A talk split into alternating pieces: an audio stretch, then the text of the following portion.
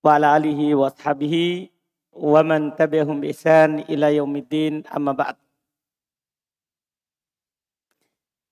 Alhamdulillah kemarin kita sudah selesai dari pembahasan Al-Musatna isim yang mansub.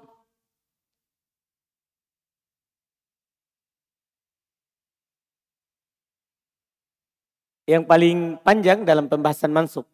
Yang lainnya pendek. Sisa empat isim mansub kita ambil di hari ini. Apa yang bisa kita ambil? Kalau bisa langsung semua empat ini Alhamdulillah. Kalau tidak bisa tidak mengapa. Karena empat ini mudah saja. Kita dipapan dulu, baru kita baca. Jadi isim mansub yang keberapa sekarang? Hmm? Kan sudah maf'ulun bih. Maf'ul mutlak. Terus maf'ul fi. Hal. Tamiz mustatna. Sudah berapa itu? Hmm? Enam. Sekarang berarti hmm? ketujuh. Ketujuh isim di antara isim mansub adalah ismula. Isimnya lah. Isimnya lah. Yang disebut dengan la nafiatulil jins. La yang menafikan jenis dari sisi namanya itu, itu dia nanti sudah ditahu. Dia gunanya apa? Untuk apa?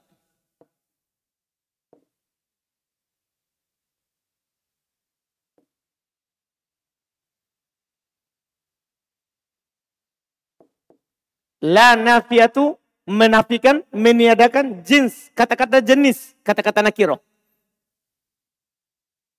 Dia itu menafikan kata-kata apa? Naki, nakiro. Dan dia itu menafikan seluruh jenis kalau dia masuk.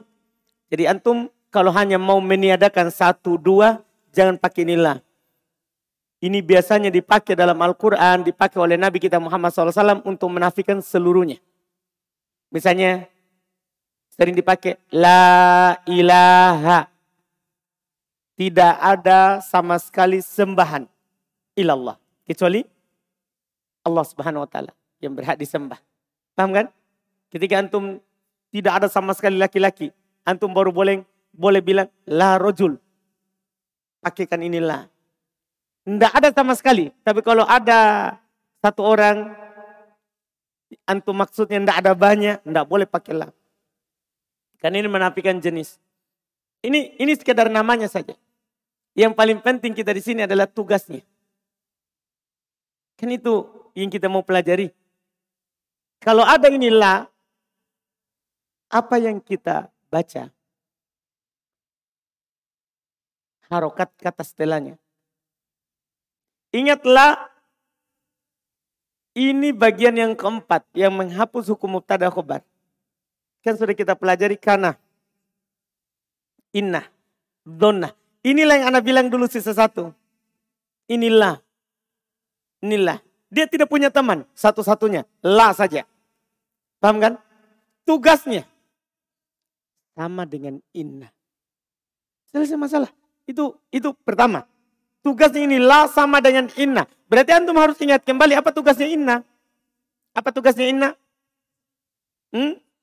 Menasob isim, merofa, khobar. Paham? Sama. Tugasnya inna. Persis tidak ada bedanya. Cuman kenapa tidak dimasukkan saja ke teman inna begitu? Paham kan? Kan sama dengan inna. Kenapa ulama bahasa pisahkan? Tidak masukkan kepada siapa temannya? Inna. Karena dia beramal ada syaratnya. Tidak sembarang dia beramal. Antum harus pahami baik-baik syaratnya. Dia ada tiga syaratnya. Dia akan beramal dengan amalan inna jika terpenuhi tiga syarat. Saya ulangi. Inilah akan beramal dengan amalan inna misalnya seperti inna ya. Inna rojul. Inna rojul koim. Koim. Antum akan baca apa ini? Inna roju hmm? lalilu. Inna rojula ko ko imun itulah sama dengan ini amalannya. Pertama menasab yang kedua di rofa makanya nanti dibilang di sini mansub ada di sini babnya. Sama dengan ini cuman dengan tiga syarat. Kalau ini sembarang beramal dia tidak ada syaratnya. Ah, ini harus antum perhatikan perbedaannya. Dia isimnya isimnya la harus berupa nakiro. Hmm. Kalau isim, kalau kata itu menjadi isim la harus nakiro. Sekarang ini ini. Inna rojula koim. Kalau ar-rojul pakai la, boleh nggak? Pakai al, boleh nggak isim la? Nggak boleh. Kalau antum mau ganti ini inna dengan la, maka pastikan ini nakiro. Hapus alnya. Kan ini yang membuat dia nakiro ada al. Hapus alnya. Paham ini? Itu syarat menjadi isim la. Harus apa? Harus apa? Nakiro. Syarat kedua, syarat kedua itu isimnya la harus jatuh langsung setelah la. Tidak boleh ada pemisah.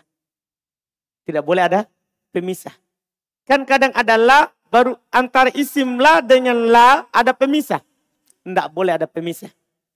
Harus itu isim misalnya ini rojul antum mau jadikan isim la. Harus ini la rojul. Paham ini? Tidak boleh di sini ada lagi la fi al bait rojul baru begitu. Jadi ada ini di tengahnya. Tidak boleh. Paham kan? Harus isimnya la itu terletak langsung setelah la. Tahu kan? Terletak langsung setelah la. Tidak ada pemisah. Dipahami ini? Secara ketiga, la-nya itu hanya satu dalam kalimat itu. Tidak boleh berulang. Paham ini? Kapan berulang seperti la haul wala kuwah. Ini kalimat la haul wala kuwah. Haul, saya tanya antum, haul nakiro? Haul nakiro? Nakiro. Terlihat langsung setelah la? Paham kan? Cuman masalahnya ada lagi lah. Ada lagi apa? Lah. Syarat dia beramal berapa? Tiga. Harus nakiro isimnya.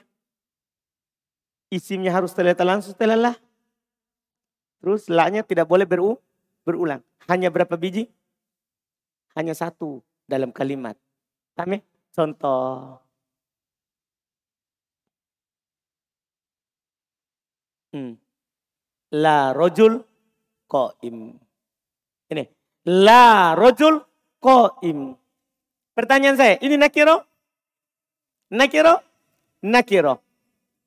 Terletak langsung setelah lah. Berapalah? Berapalah? Maka dia di sini beramal. Sisa terakhir ketentuannya, keanehannya. Kalau isim inna ditanwin, inna zaidan. Ini kan?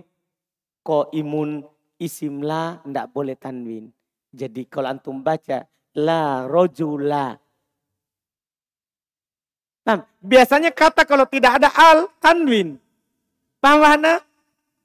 Kata kalau tidak ada la apa tan, tidak ada al di awalnya tan tanwin. Misalnya gini, antum baca itu rojul biasa. Rojulun tanwin. Kalau ada al, ar-rojulu. Tidak boleh tanwin. Tapi ini aneh. Isim la. Tidak pakai al. Tapi tidak boleh tanwin. Jadi antum baca la rojula. Makanya antum baca itu kalimat La ilaha. Padahal ini kan kalau tidak ada la ilahun. Banyak di Quran. Ilahun. Paham maksudnya ini? Ilah. Tapi di sini ada la. La ilaha illa. Illallah. Ini kalimat. La ilaha. Sekarang. Ini ilaha. Nakiro. Nakiro. Terletak langsung setelah la. La ada berapa? Satu saja. Makanya terpenuhi syaratnya. Beramal. La ilaha. Sebagai apa ini ilaha? Kenapa dibaca fathah tanpa tanwin? Antum bilang isim la. Tadinya mubtada. Tadinya mubtada. Kan ini masuk pada mubtada kok. Kobar sama ini. ini. Rojulun ko imun. Rojul kan mubtada. Ko imun adalah ko khobar. Rojulun ko imun. Ini bacaannya sebelum adalah. Rojulun ko imun. Masula. Masula. Langsung. Baca apa? Coba baca. Rojulun ko imun. Masula. Tanpa tanwin. La rojula ko imun. Paham ini? Paham bedanya dengan lah? Inilah rahasianya kenapa dia dipisah. Karena punya syarat. Karena punya syarat. Kalau tidak terpenuhi syarat ini, batal. Paham ini? Kalau tidak terpenuhi ini syarat, maka akan batal. Misal, antum katakan misalnya, la zaid, la zaid qaim, la zaid qaim. Nah, antum bilang, la zaid qaim, zaid. Bisa nggak dijadikan isim lah? Hmm? Nggak bisa, kenapa? Ma'rifah batal, maka antum baca kembali ke mubtada khobar. Kembalikan ke asal mulanya. Sebelum adalah antum baca la zaidun imun. Paham ya? Kemudian kewajiban kedua biasanya dalam kalimat la-nya harus ada dua. Harus berulang. Pasti itu dalam kalimat. Orang menyusun kalimat pasti. Ketika la batal amalannya pasti la ada dua. Wala amrun misalnya di sini. Wala amrun. Paham ini? Ini hanya kalimat tambahan. Paham ini? Pak Adi, kenapa ini batal amalannya Pak Adi? Hmm? Nah ini kan terpenuhi. Ini kan la, langsung kan la. Setelahnya langsung isimnya. Kenapa kira-kira batal? Kenapa saya baca Zaidun tidak ada Zaidah? Tidak memenuhi syarat. Syarat pertama dia langgar. Ini. Harus naki nakiro. Sementara Zaid ma'rifah. Batal. Demikian pula kalau tidak terpenuhi syarat kedua. Anggap syarat pertama terpenuhi. Nakiro. Tapi syarat kedua tidak terpenuhi. Apa tadi syarat kedua? Harus terletak langsung dengan setelah la. Kalau saya buat kalimat begini. La fi al baiti rojul. La fil bait rojul. Rojul nakiro? Pertanyaan saya, rojul nakiro? Ah, nakiro. Terpenuhi syarat perta pertama. Apakah dia terletak langsung setelah la? Hmm? Tidak. Tapi dia dipisahkan oleh fi huruf jer, al baiti kata yang di jer. Paham? Batal amalannya. Langsung antum baca ini rojulun. Jangan takut. Karena ketika ada perantara batal. Kembali ke hukum mubtada khobar. Dipahami ini? Langsung rojulun. Dan dipastikan la-nya lagi ada dua di sini. Pasti tambahan kalimatnya. Walam ro'atun. Nah, ini ini tambahan namanya. Itu dipastikan. Tidak. Sekarang ini yang penting antum tahu dulu batal amalannya. Tapi nanti kalau dia batal pasti ada dua la-nya. Dalam kalimat. Dipahami ini? Jadi ini la fil baiti rojul. Antum baca rojulun walam ro'atun. Dipahami ini? Kalau antum ditanya, kenapa ini batal? Jawabannya apa? Kenapa antum batal? Jawabannya apa? Ada pemisah antara la dengan isimi. Kalau inna, kalau inna tetap beramal. Kalau antum masukkan inna di sini sebagai penggantinya lah. Inna fil baiti rojulan Isim inna tetap beramal. Walaupun ada pemi, pemisah. Ini dia batal karena ada pemisah. Ini dia batal karena ada apa? Karena ada apa? Pemisah. Jelas ya? Jelas ya? Bagaimana kalau terpenuhi satu, dua, yang tidak terpenuhi yang ketiga? Contoh kalimat la haul. Ya, wala kuwah. Saya tanya antum, la haul terpenuhi syarat pertama? Hmm. Terpenuhi syarat pertama? Terpenuhi. Syarat kedua? Terpenuhi. Syarat ketiga? Tidak. Bagaimana kalau hanya satu syarat tidak terpenuhi, yang ketiga saja? Itu pertanyaannya. Kalau di sini punya keunggulan. Kalau tidak terpenuhi syarat pertama, batal. Kalau tidak terpenuhi syarat kedua, batal. Karena itu paling berat syaratnya. Bagaimana kalau tidak terpenuhi syarat ketiga? Sementara syarat pertama dan kedua terpenuhi. Pertama ada, kedua ada, ketiga tidak. Maka kata para ulama bahasa di sini boleh antum amalkan dan boleh tidak. Ini boleh antum dua bacaannya. Yang kita tahu selama ini kan satu, la haula wala quwata illa billah. Boleh dua. Boleh antum baca, la haula wala quwata. Kalau antum amalkan tambah tanwin. Dan boleh antum tidak amalkan. Berarti kembali ke asal. Sebelum ada la dibaca apa? Sebelum ada la dibaca apa? Haul, haul. Dibaca apa sebelum ada la? Baca akhirnya. Baca akhirnya. Haulun. Jadi antum baca. La haulun wala quwatun illa billah. Maknanya sama, tidak ada bedanya. Dipahami ini? Nah, ini yang terakhir. Kalau tidak terpenuhi syarat, boleh dua bacaan. Jelas ini? Jelas ini? Sudah jelas salah? Jelas salah atau belum? Jelas? Siapa yang belum jelas telah? Intinya antum ingat baik-baik. Seperti ina amalannya. Tidak ada bedanya. Tidak ada bedanya. Cuman dia pakai syarat. Isimnya harus nakiroh. Isimnya tidak boleh terpisah dengan lah. La-nya tidak boleh beru. La-nya tidak boleh beru. Berulang. Jelas? Jelas ini? Ah, kita baca. Baru kita lanjut lagi sebentar. Di papan.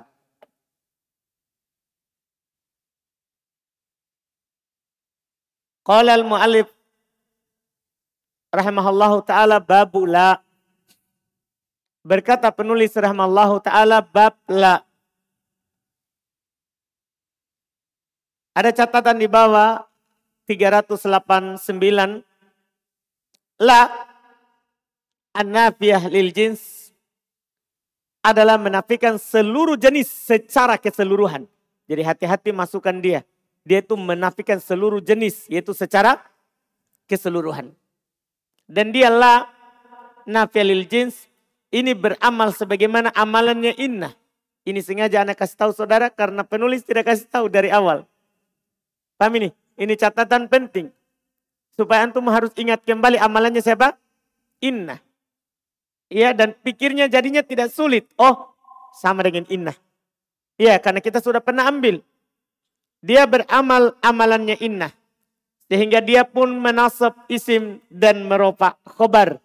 Namun dengan tiga syarat. Ini anak kasih tahu dulu langsung. Karena penulis menyambung pembahasannya tidak dipisahkan ini syaratnya. Perhatikan baik-baik. Namun dengan berapa syarat? Tiga syarat.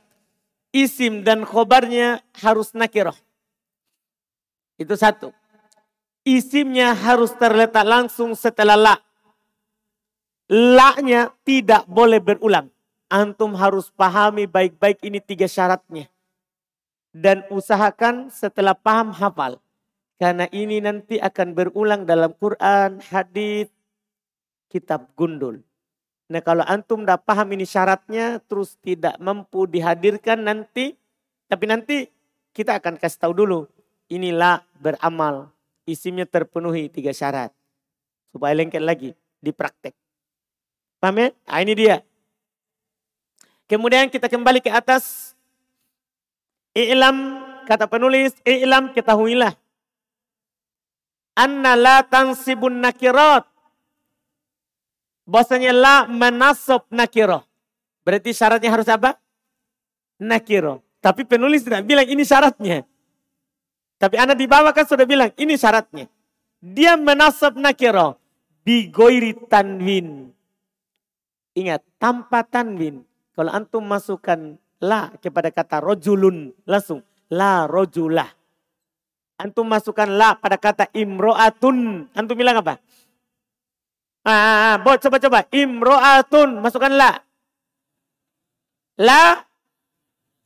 Ahmad Sobri. Antum masukkan la pada waladun. Semuanya. Waladun.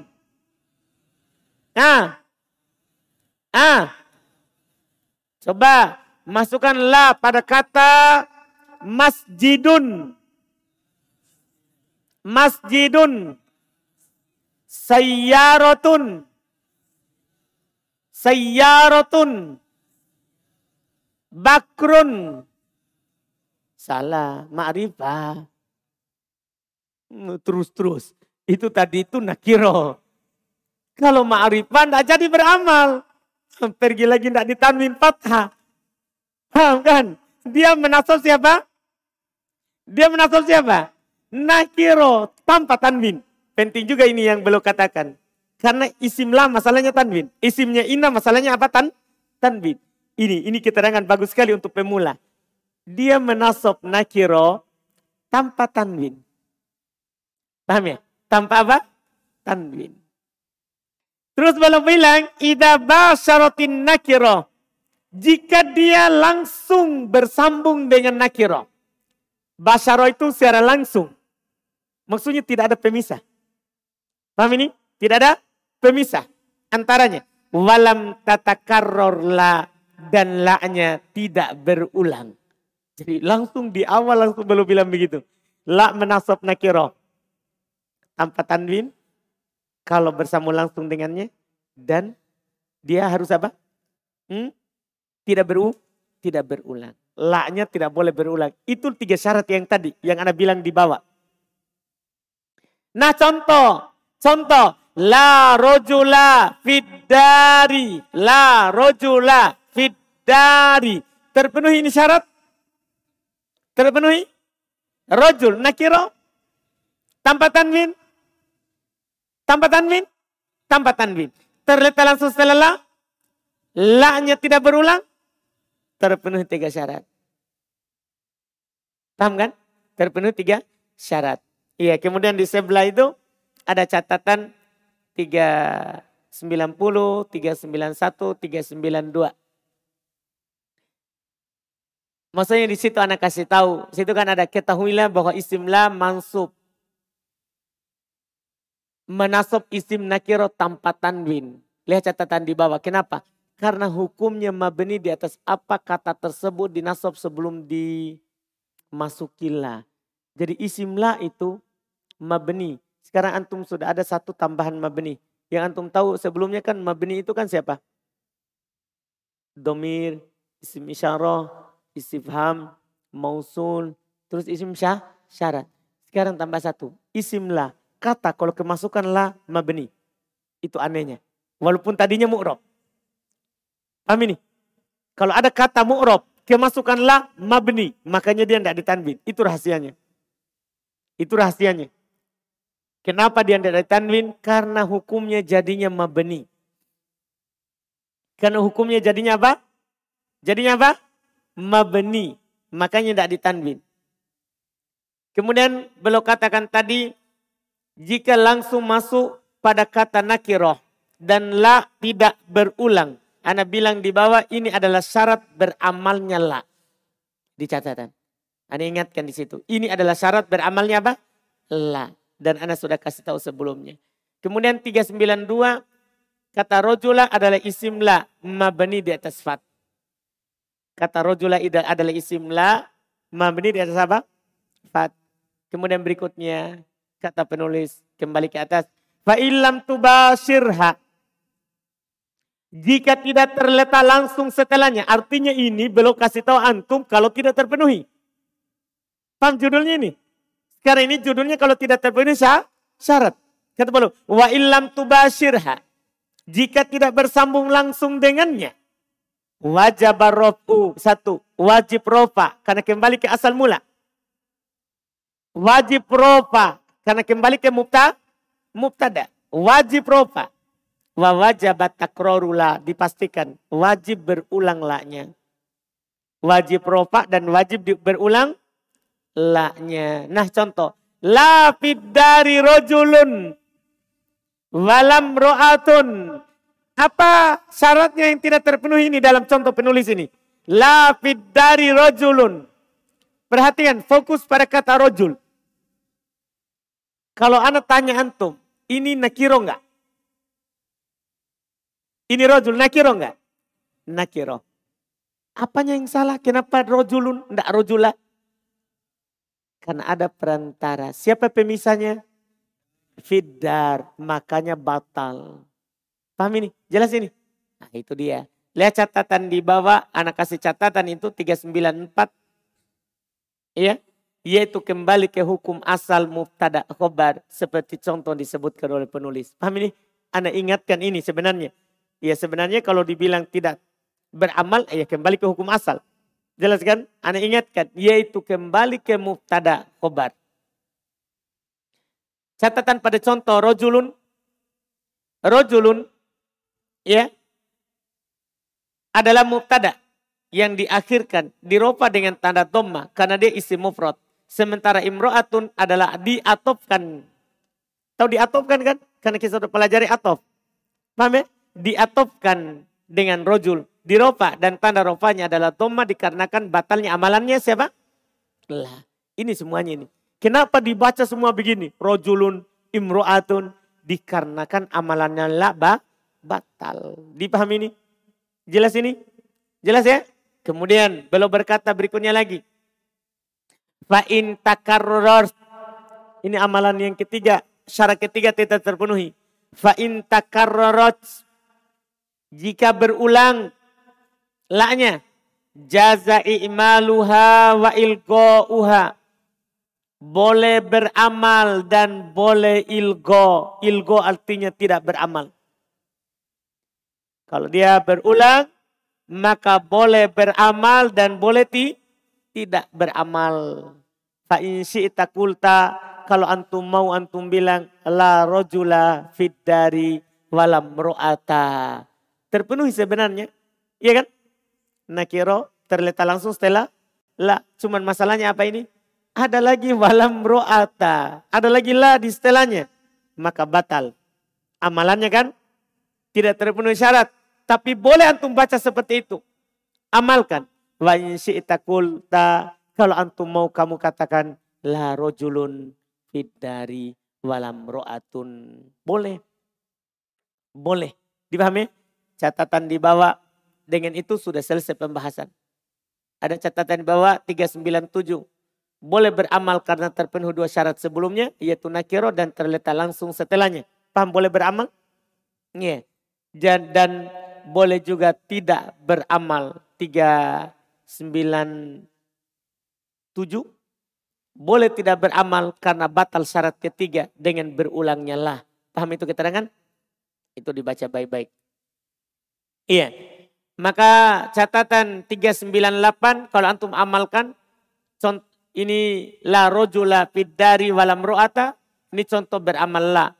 Kemudian la rojulun fiddari walam ro'atun. Contoh tidak beramalnya apa? La. Selesai. Isim la. Paham ya? Selesai isim? La. Kita masuk lagi di berikutnya. Ya, kita masuk lagi di berikutnya.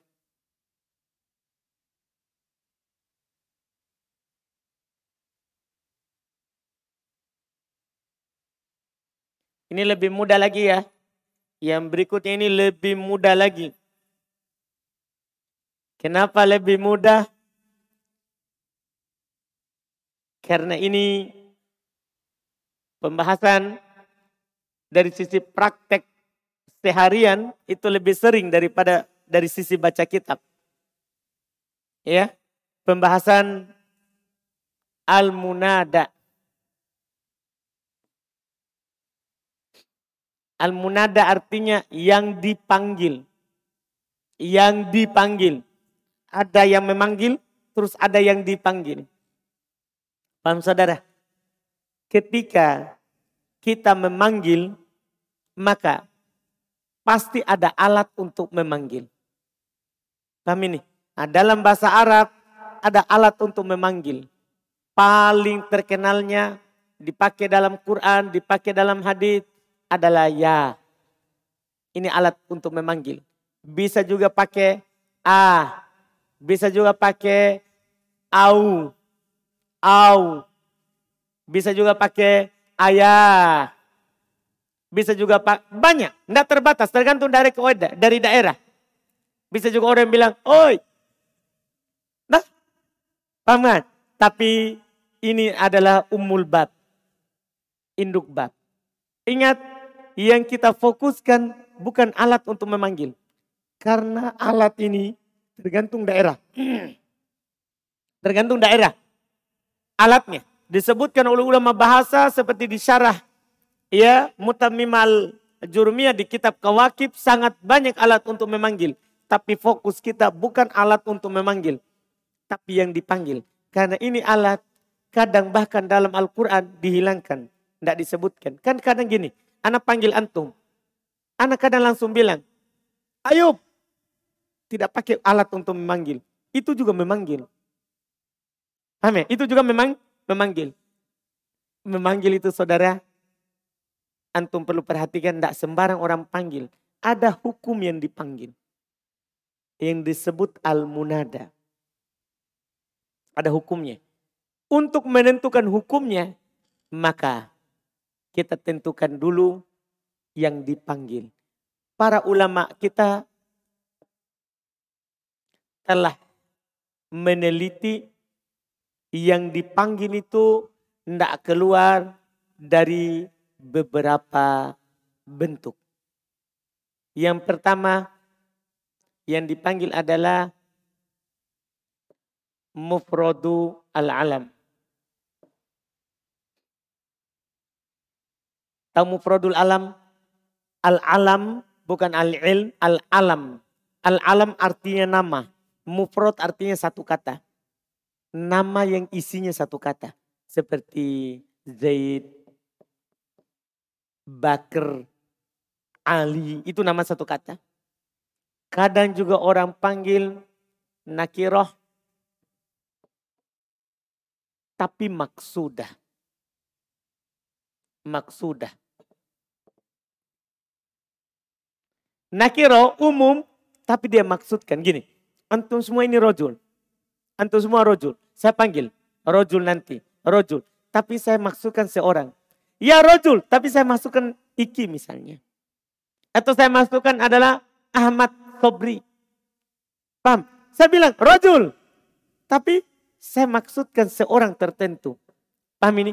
Ini nakiro maksudah namanya. Nakiro umum tapi saya maksudkan. Yang ketiga yang dipanggil kadang berupa nakiro tapi goir maksudah. Lawannya. Nakiro tapi saya tidak maksudkan. Contoh juga sama. Rojul. Misalnya ada orang buta. Orang buta, buta dua-dua. Dia bilang, ya rojul. Dia maksud atau tidak? Dia maksud atau tidak? Tidak, kan orang buta. Dia bilang, ya rojul kut biadi. Wahai orang, laki-laki ambil tanganku. Paham ini? Dia tidak maksudkan. Dia tidak maksudkan. Yang keempat, kadang orang panggil nama mudof. Kadang orang panggil nama mudof nama yang tersusun dari dua kata. Seperti misalnya Abdullah. Dah, Abu Bakar. Abu Bakar. Ini ini nama yang tersusun dari berapa kata itu? Dari berapa kata itu? Dua. Ada kata Abdullah dan Abu Bakar. Contohnya. Yang paling terakhir yang orang panggil dan ini bentuk kelima. Bentuk kelima yang orang panggil ada namanya yang mereka katakan syabih syabihun bil mudhaf. Lima. Menyerupai mudhaf. Bukan nama yang mudhaf. Nanti kita akan pelajari mudhaf di bab terakhir, bab ketiga. Paham ya? Tapi dia juga tersusun dari dua kata. Kata setelahnya itu menyempurnakan makna yang pertama. Misalnya mereka contohkan toli jabal. Tolian jabalan. Pendaki gunung. Kan toli pendaki gunung. Tersusun dari berapa kata ini?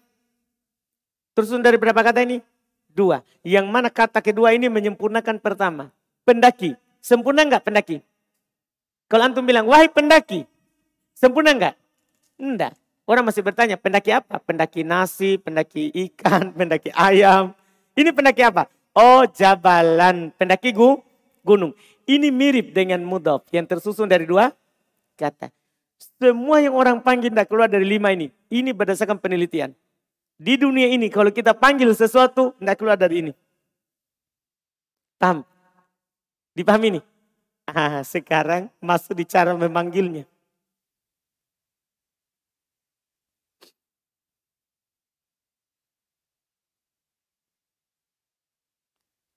Ini sama yang ini. Terbagi dua. Ini dihitung satu, ini dihitung dua. Sama yang ini. Dua pertama. Dua pertama. Paham ya? Dua pertama. Maka kalau antum memanggil di domah tanpa tanwin. Kalau antum panggil nama orang satu kata. Domah tanpa tanwin. Misalnya. Zaidun. Panggil. Pakaikan dia. Pakaikan dia. Zaidun. Panggil. Ah. Anasun. Bakrun. Hati-hati. Doma tanpa tanwin. Demikian pula yang kedua. Nakiro antum maksudkan. Kalau antum maksudkan. Ini nanti eh, mempengaruhi ketika antum dapat panggilan umum. Hati-hati. Di Arab bedakan. Dia maksudnya seorang atau rame. Ah, ketika dia maksudkan doma tanpa tanwin. Coba. Rojulun. Panggil maksudkan. Rojulun. Panggil maksudkan. Nah. Imro'atun. Waladun.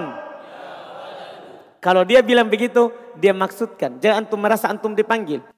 Ada yang dia maksudkan. Kalau dia doma tanpa tanwin. Dipahami nih? Dipahami nih? Selesai dua yang pertama.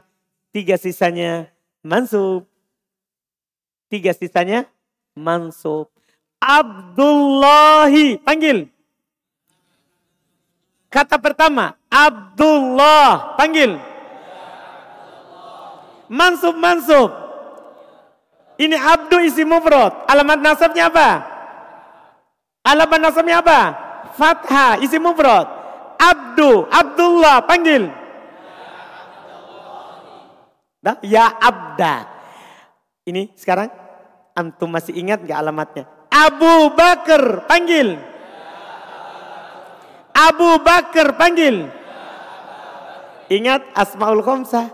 Masuk dengan apa? Masuk dengan apa? Alif. Ingat itu. Jadi kalau antum panggil jangan bilang Abu Bakar, Abu Bakar. Bukan, salah. Kalau antum sebut nama, sebutnya Abu Bakar. Tapi kalau antum panggil Aba Bakar. Walaupun ada ya. Salah kalau antum panggil Abu. Abu. Salah. Panggilnya Abah. Paham cara memanggil? Paham cara memanggil? Nah, ini kata sebagian ulama mengingatkan. Ini contoh sering disebut. Kan kebanyakan penuntut ilmu salah. Dia sudah belajar nahwu tapi masih bilang Abu. Seharusnya kalau panggil Abah.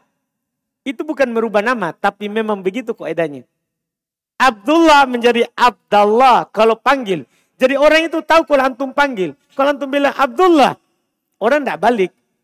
Kenapa? Karena orang kira antum hanya sebut, bukan memanggil. Tapi kalau antum bilang Abdullah, Abdullah, oh orang langsung nengok. Kenapa? Dia panggil. Dipaham Sapri? Paham Sapri? Jadi itu dia. Ini yang ini. Demikian pula nakiro goiru maksudah. Cuman yang ini kan tidak, dia bersendiri. Berarti tanwin. Berarti tan, tanwin. Rojulun panggil tidak dimaksudkan. Yang tidak ditanwin itu cuma yang ini saja. Yang lainnya tanwin bisa. Yang itu karena dia mudof. Tidak ditanwin. Nanti akan dibahas di bab ketiga. Bab terakhir. Insya Allah besok. Panggil rojulun. Maksudkan. Rojulun maksudkan. Maksudkan. Imro'atun maksudkan. Jangan maksudkan. Tidak dimaksudkan. Imro'atun. Hmm, tidak dimaksudkan. Dulu, dulu. Masih kita sebenarnya, antum sudah pindah. Pada saya masih bilang tidak dimaksudkan. Tapi antum pikir pasti saya pindah ke yang dimaksudkan. Coba-coba. Imro'atun tidak dimaksudkan. Dimaksudkan.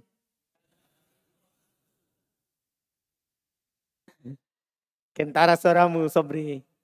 Hmm. Coba imro'atun tidak dimaksudkan. Ahmad. Dimaksudkan. Tuh tanpa tanwin. Itu bedanya. Jadi kalau orang panggil antum nanti pakai rojul. Ya rojula. Dia fathah. Ya rojulan. Tanpa tanwin. Paham ini? Oh dia tidak maksudkan. Berarti sembarang saja. Siapa yang mau. Tapi kalau dia bilang. Ya rojulu. Oh itu dia maksudkan orang tertentu. Paham ini? Demikian pula yang ini. Yang menyerupai mudhaf. Toli. Sengaja saya sukun ini. Toli jabalan. Panggil. Langsung. Ya tolian jabalan. Paham kan? Ya tolian jabalan. Dipahami ini? Jadi dua pertama beda tiga terakhir beda hukumnya. Paham ya? Kenapa dimasukkan di bab mansub? Kan ada yang mansub. Nah, Abdullah, Abu Bakar, Rojulan, Tolian, Jabalan. Mansub kan? Mansub kan?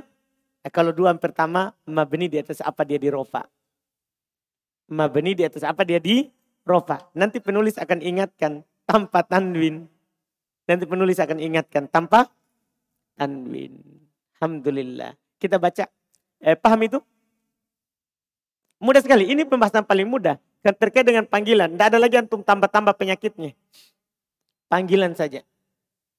Iya. Lihat babul munada. Ada catatan di bawah 400.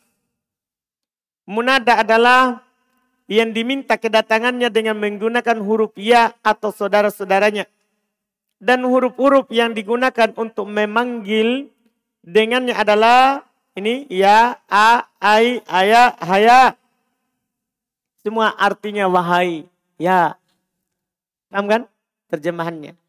Lihat di bawah al-munada, lihat di atas ya, penulis langsung langsung, tidak ada pengertian munada.